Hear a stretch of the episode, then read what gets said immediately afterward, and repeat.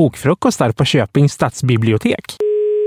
Kersti Bergvik, programansvarig på Köpings stadsbibliotek. Som vanligt de senaste åren så arrangerar ni ett antal bokfrukostar nu under vintern och våren. Till att börja med som en liten repetition, vad är det här för någonting? Vi träffas en gång i månaden och pratar om och kring böcker i ett bestämt tema. Hur går det till när ni väljer ut de här temana? En del är på förslag från besökare. En del är, eh, hittar vi på själva kring sånt som är aktuellt och så. Jag råkar ju veta då att ni redan har haft en bokfrukost den här terminen, men eh, vad har ni på gång härnäst? Nästa gång är faktiskt fredag den 8 mars och då är det ju inget mindre än den internationella kvinnodagen. Så att då är temat kvinnliga författare eller kvinnligt perspektiv i berättelser. Då. I övrigt under våren, vad händer då?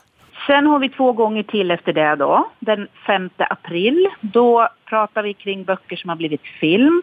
Och sista gången så kommer vi att prata om och kanske prova på lite grann om det här med shared reading och biblioterapi. Och för den som inte känner till det, shared reading, alltså delat läsande, vad är det för någonting? Det är en form av social högläsning i grupp som jag har ett par kollegor som har utbildat sig i det här och de berättar lite grann om det här och vi får prova på. Och det är ju ingenting som man måste vara med på utan kommer man och bara vill lyssna till informationen och eh, inte alls läsa själv högt så då behöver man inte det. Det är absolut inget tvång utan det är bara en liten inblick i hur det kan fungera. Och biblioterapi, det, det handlar ju om att läsa och skriva för att få insikter i vad det är att vara människa. Så det är att höra en text och prata kring den. Eller en bild, till exempel.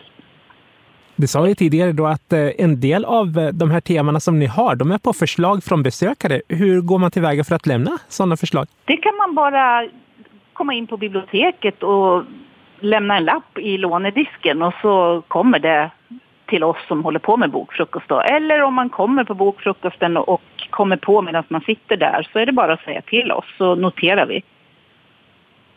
Var håller ni då till på biblioteket när ni gör det här? Vi har ett litet utrymme som kallas för Skogens rum. Ett mysigt rum med heltäckningsmatta och fondtapet.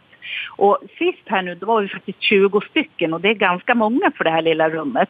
Så det är väl ungefär vad vi klarar av. Och blir det fler än så, då hittar vi en plan B. Då kommer vi förmodligen hålla till ute i vanliga lånehallen.